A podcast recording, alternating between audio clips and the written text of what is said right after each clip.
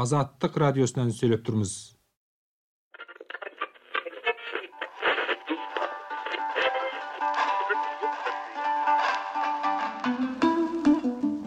азаттык радиосунан сүйлөп турбуз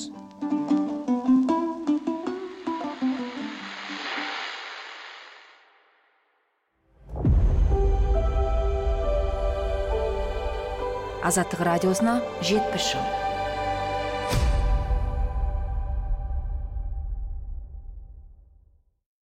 армысыздар ардақты ағайын азаттық радиосының жетпіс жылдығына арналған аудио подкастымызды жалғастырамыз. Сіздермен мен қуанышбек қари. Біз өткен эпизодта 1991 жылы 16 желтоқсанда азаттық радиосы өз эфирінде қазақстан тәуелсіздігі туралы қандай хабарлар таратқанына шолу жасадық. Бүгін сол тақырыпты одан әрмен сабақтаймыз.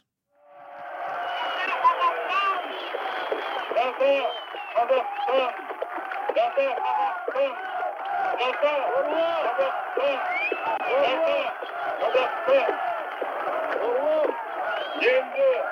елімізге елімізге халқымызға амандық құдайдан тілеймін аруақтар қолдасын бізді әумин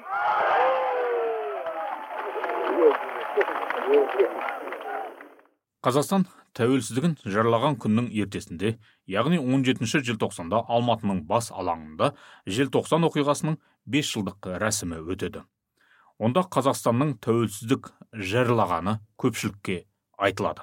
Азаматтық қоғам өкілдері жаңадан қалыптаса бастаған саяси қозғалыстар мен партиялардың жетекшілері бұған қоса ресми басшылық бәрі де сол күні алаңда бас қосады. 1953 жылы наурыз айында жұмысын бастаған азаттық радиосы үшін желтоқсан айының ерекше мәнге ие екендігін өткен эпизодта айтқанбыз.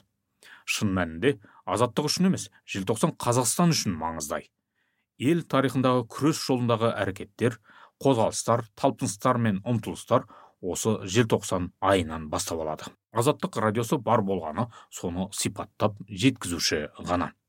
1991 жылы 16-17 желтоқсандағы азаттық радиосының хабарларын тыңдап отырсақ желтоқсан оқиғасының бес жылдығы қазақстан тәуелсіздігін құттықтауға ұласады. Осы шараның атмосферасы туралы азаттық былай хабарлайды.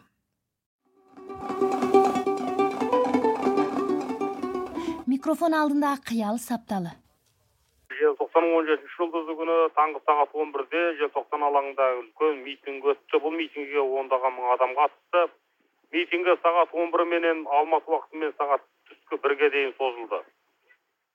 Құрметті мінбеде республика президенті нұрсұлтан әбішұлы назарбаев қазақ республикалық премьер министрінің орынбасары мырзатай жолдасбеков алматы мешітінің имамы атылбек үкімет мүшелері және желтоқсанда жазықсыз жапа шеккендер түрлі саяси партиялар мен қозғалыстардың көрнекті өкілдері және де басқа адамдар қатысты.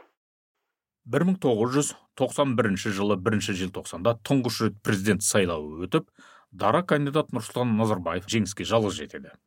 Бұл да сол кездегі биліктің тәуелсіздік жарлағанға дейінгі белгілі бір саясаты болса керек. Назарбаевтың өзі 17 желтоқсан күні алматының бас алаңындағы желтоқсанның бес жылдығына арналған аталмыш жиында сөз сөйлейді. Президент назарбаев бұл жиында өзін желтоқсан оқиғасының жоқтаушысы ретінде көрсетуге тырысты.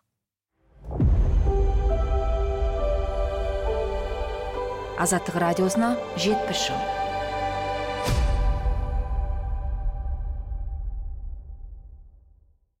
Бір мың тоғыз жүз сексен жетінші жылы ғана нұрсұлтан назарбаев ол кезде қазақстан үкіметін басқарады. Мәскеудің дружба народов журналына берген ұзақ сұхбатында желтоқсанда алаңға шыққан жастардың бір бөлігін интернационалдық қасиеттерден ада деп айыптаған еді. Сонда оның экстремистік көңіл күйдегі жастардың әлеуметтік жағынан осал студенттерді өздеріне баурап алғаны жайында айтатыны бар. Атышулы осы сұхбатқа азаттық 1987 жылы қыркүйекте бір хабарын арнайды. Бұл туралы кейінірек кеңірек тоқталатын боламыз. Ал 1991 жылы желтоқсан оқиғасының бес жылдығында назарбаев басқаша сөйлейді. Ол президент сайлауы мәселесін бірінші кезекте айтып өтеді. Назарбаевтың осы сөзінің үзіндісін ілгерідегі эпизодтардың бірінде назарларыңызға ұсынғанбыз.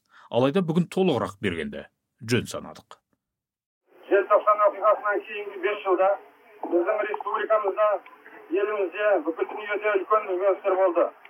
Сол бір ызғарлы күндер мен түндерде талайдың обалында қалған орталық қазір біржолата күйреуге айналды. Барлық жерде ұлттық сана сезім оянып егемендіктің тәуелсіздіктің тулары бірінен соң бірі көтеріліп жатыр. Біздің қазақстанда да көптеген игілікті істер атқарылды.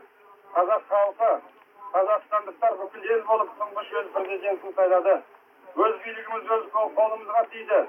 Өз байлығымызға өзіміз ие болуға айналдық. Тіліміз дініміз әдет ғұрпымыз салт дәстүріміз қайта оралды. Арыс азаматтарымыз ақталды. Елім деп еңіреген еңіреп өткен есіл ерлердің ел билеген азаматтардың есімі бұрынғыдай қастерлене бастады. Желтоқсан оқиғасына қатынасқаны үшін жауаптылыққа тартылған азаматтарды ақтау туралы жарлық шығарғанымды онда желтоқсанның он жетісі демократиялық жаңару күні болып жарияланғанын сіздер жақсы білесіздер бұл жарлықты республика жұртшылығы игілік пен әділеттілік актісі ретінде қабыл алып отыр сонымен әділдік салтанат құрды желтоқсан оқиғасына уақыттың өзі әділ бағасын берді бұл қазақстанның егеменді ел бола бастағанының белгісі деп білемін қымбатты бауырларым желтоқсан оқиғасына қатынасушылардың ізгі ісі жалғасын тауып келеді. Мен осы жиналған жұртшылыққа кеше республиканың жоғарғы кеңесі қазақстанның мемлекеттік тәуелсіздігі жөнінде конституциялық заң қабылданғанын хабарлағым келеді. Осы тарихи уақиғамен барлықтарыңызды құттықтаймын бауырлар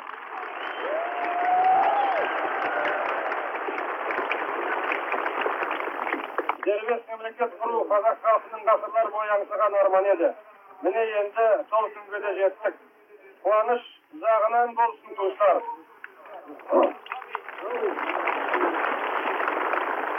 тәуелсіздік табалдырығында тұрған осы жан тебіретер сәтте қазақ елінің еркіндігі бостандығы жолында бас тіккен азаматтардың солардың қатарында бір күнге жете алмай туған Қаз- қазақстанның егеменді ел тәуелсіз мемлекет болғанын көре алмай өмірден өткен желтоқсан құрбандардың рухына тағзым етіп еске алуыңыздарды сұраймын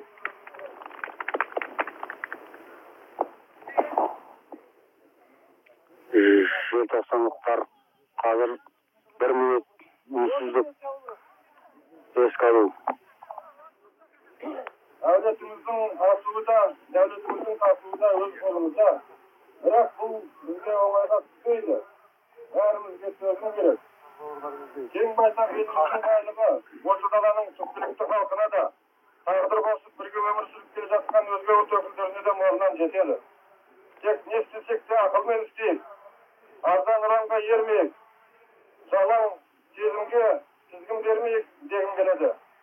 Әсіресе жастар салқын қандылықтан үлкенді сыйлаудан сөзге тоқтаудан айнымаса қашанда достыққа адал болса бауырмал кеңпейіл болса халықтың атына сөз келтіретін ұстамсыздық жүгенсіздіктен аулақ жүрсе екен деп тілеймін бізді жеңіске жеткізер ең бір ақ жол осы деп сенемін тарих көші ұзақ асықсақ та артықпайық қазақстанның көп ұлтты халқының жұлдызы жоғары болатынына туған жерімізде дәулетті де сәулетті өмір жалғайтынына кәміл сенемін қазіргі жастар сіздердің бақытты болашақтарыңа сенемін өзімізді өзіміз сыйлайтын болсақ жат бойынан түңіледі алдымда алдымызда әлі талай асулар сын сағаттар тұр оны да болмайды. Біздің тәуелсіздігімізге сүйенімсіз қызғаныш көзбен қарайтындар өз арамызда да сыртта да әлі бар. Осы қысылтаяң кезде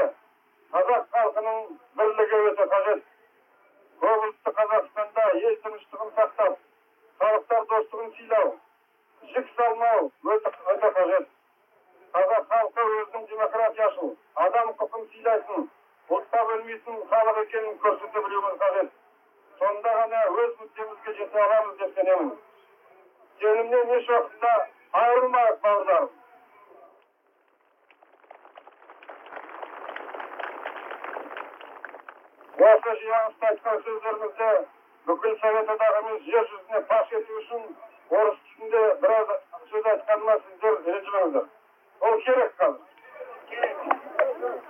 дорогие сограждане пять лет назад на этой самой площади в духе действующих тогда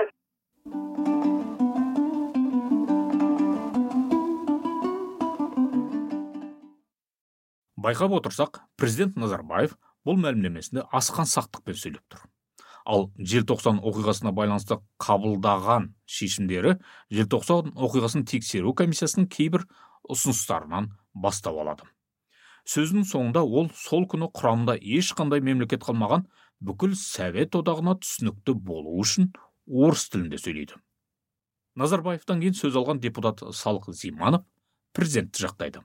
Ол көпшілікті жаңадан сайланған назарбаевтың беделіне кір келтірмеуге үндейді.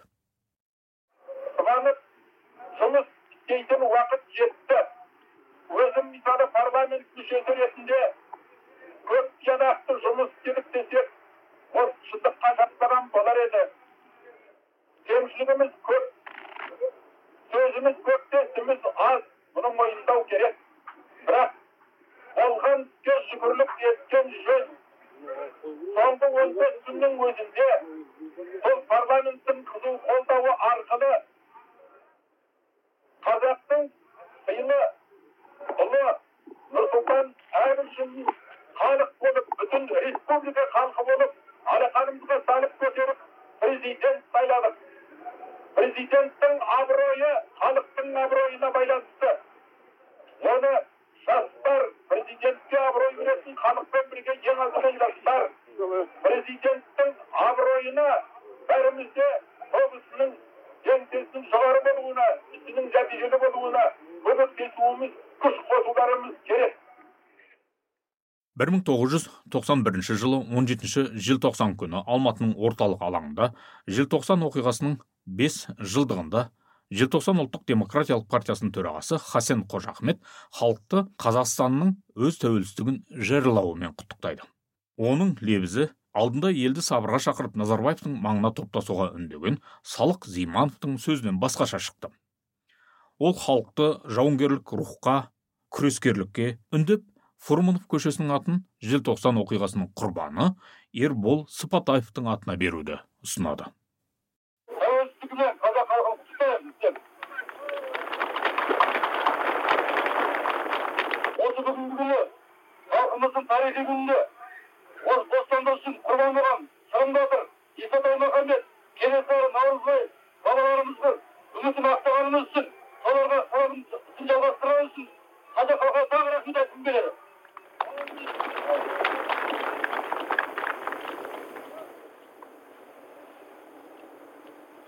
осы алаңда қаза болған бауырларымыз бар бүгінгі күнде олардың атын атап құрметтеуге де мүмкіндік болып отыр менің осы жиыннан халықтан сұрарым осы алаңда тікелей қаза болған ербол сыпатаев деген азаматымызға мына фурманов көшесінің аты берілсе фурманов деген кім ол? Шапаевтың бір комиссары шапаев туралы кітап жазған біздің ербол сыпатаев одан кем екен фурманов сыпатаевтың атына берейік.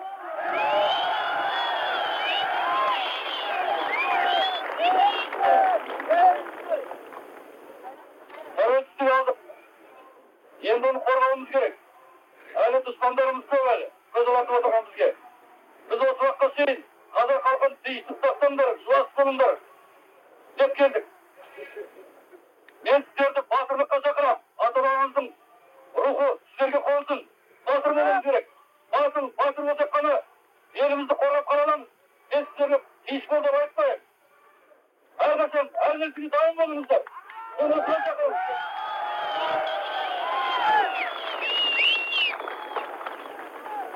көзалатушылар көп отаршылар қазақтарын заңдастырып жатыр. Арамызда тағы шовинистік отаршыл пиғылдағылар партия құрып жатыр. Оларға қарсы біздің әрекет мен мынау біздің жоғары кеңестен сұраймын қолдаңыздар біз ешкімге бас кірмейміз бірақ сексен алтыда да бізді қыруға да жол бермеуіміз керек қапыда қалмауымыз керек. Ағайындар батылдыққа шақырамын жуаспыз қоңымыз деген сөзді қойыңыздар. Біздің қаланбай бөгенбай батырлардың рухы қайтадан сіздерге қонды мінекей ендігәрі ісіңізді бас имейік оталған тәуелсіздігімізді қолымыздан шығармайық әмин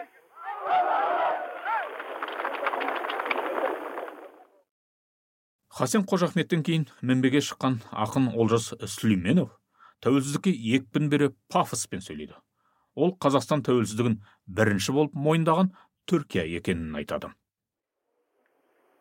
қымбатты достар ағашқа да сөз беріледі ғой достар бес жыл бұрын осы алаңда халқымыз бас көтерді енді бізге бүкіл дүние қарап тұр көп мемлекеттерден көп республикалардан келген қонақтар тұр қонақтар емес нағыз достар нағыз жолдастар тұр. Соларға ыстық жүректен сәлем айтайын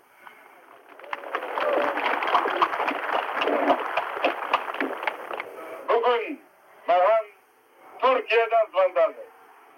Бірнеше кісілер. Кесекеске бас бақаны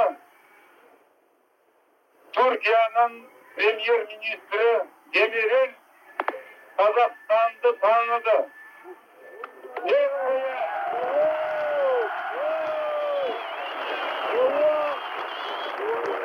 Первая коллективная страна Турция признала независимость Казахстана.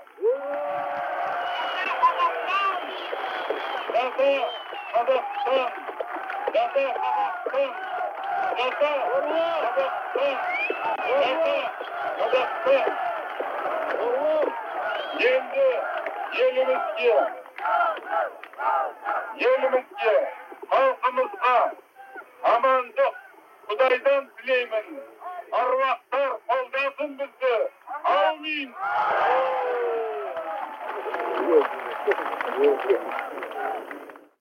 шын мәнінде азаттық радиосының сол күндергі хабарларын тыңдап отырсақ түркия қазақстан өз тәуелсіздігін жариялаған күні совет одағынан шыққан барлық түркі елдерінің тәуелсіздігін мойындайтынын білдіреді. Содан бастап қоғамда түркия қазақстан мемлекеттігін алғаш таныған ел ретінде аталып кетеді. Алайда қазақстанның сыртқы саясат тұжырымдамасын жасаушылардың бірі дипломат вячеслав ғизатовтан кейінірек сұхбат алғанымда ол түркияның құжат жүзінде қазақстан тәуелсіздігін мойындаған елдердің ішінде 17-ші болып тұрғанын айтып еді.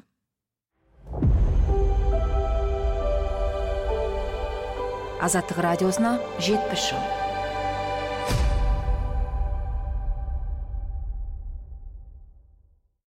Бір мың тоғыз жүз тоқсан бірінші жылы 17 желтоқсанда назарбаевтың алматының бас алаңында желтоқсан оқиғасының бес жылдығына орай сөйлеген сөзінде назар аудартқан тағы бір мәселе бар. Ол 1986 жылғы 17-18 желтоқсандағы оқиғаларға қатысқаны үшін жауаптылыққа тартылған азаматтарды ақтау туралы жарлық шығарғанын айтады және оған қоғам атынан өзі баға беріп жібереді. Желтоқсан оқиғасына қатынасқаны үшін жауаптылыққа тартылған азаматтарды ақтау туралы жарлық шығарғанымды. Онда желтоқсанның он жетісі демократиялық жаңару күні болып жарияланғанын сіздер жақсы білесіздер. Бұл жарлықты республика жұртшылығы игілік пен әділеттілік актісі ретінде қабыл алып отыр. Сонымен әділдік салтанат құрды. Желтоқсан оқиғасына уақыттың өзі әділ бағасын берді. Аталған жарлыққа президент 1991 жылы 12 желтоқсан күні қол қойған. Бұл кезде назарбаев президент болып сайланып алып алғашқы ұлықтау рәсімін де өткізіп үлгерген. Қазақстан тәуелсіздігін жариялағаннан кейінгі бағдарламаларының бірінде азаттық радиосы назарбаевтың өзі мақтаған осы жарлығын қатаң сынайды. Эфирде нұсқау деп аталған бұл жарлықта адамдарды әділетсіз жазаға тартқандарды тергеуге адамдарды нақақ соттап желтоқсан ісін жүргізгендерді анықтап жазалауға қатысты мәселенің көрсетілмегені айтылады. Құрметті тыңдаушылар желтоқсан оқиғаларына 5 жыл толғанда қазақстан президенті нұрсұлтан назарбай ол оқиғаларға қатысты нұсқау шығарып отыр. Енді ол нұсқау жайындағы қысқа хабарды толық келтірейін. Алматы. Желтоқсанның 13-і қазтаг тілшісі константин бородиннің хабары. Қазақстан президентінің нұсқауымен қазақстан астанасында бұдан 5 жыл бұрын болған ереуілге қатысқандар толық ақталды. Тұтқыннан босатылды және әділетсіз жазаланғандар қақ құғында қайтадан орнатылды. Бірақ та нұсқаудың күші әдей адам өлтіргендерге және милиция қызметкерлері мен халық жасақшыларына қол көтергендерге дарымайды. Аталған құжат сонымен қатар ереуілшілерді қуып тарқатқандары үшін наградтау жайындағы заңдарды негізсіз және заңсыз деп танып олардың күшін жойып отыр. Арада бақандай бес жыл өтсе де нұрсұлтан назарбайдың шығарып отырған шолақ нұсқауы міне осындай. Ал қазақ жастарын қырған қылмыскерлерді жауапқа тарту қайда? Әлде билікке ие болып істелген қылмыс қылмыс болып есептелмей ме екен?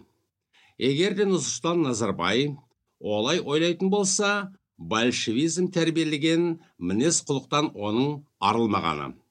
Заңға негізделген мемлекет орнату үшін бұрынғы я қазіргі мансабына қарамай жауапқа тарту шарт емес пе? Оны біз нұсқаудан көріп тұрған жоқпыз.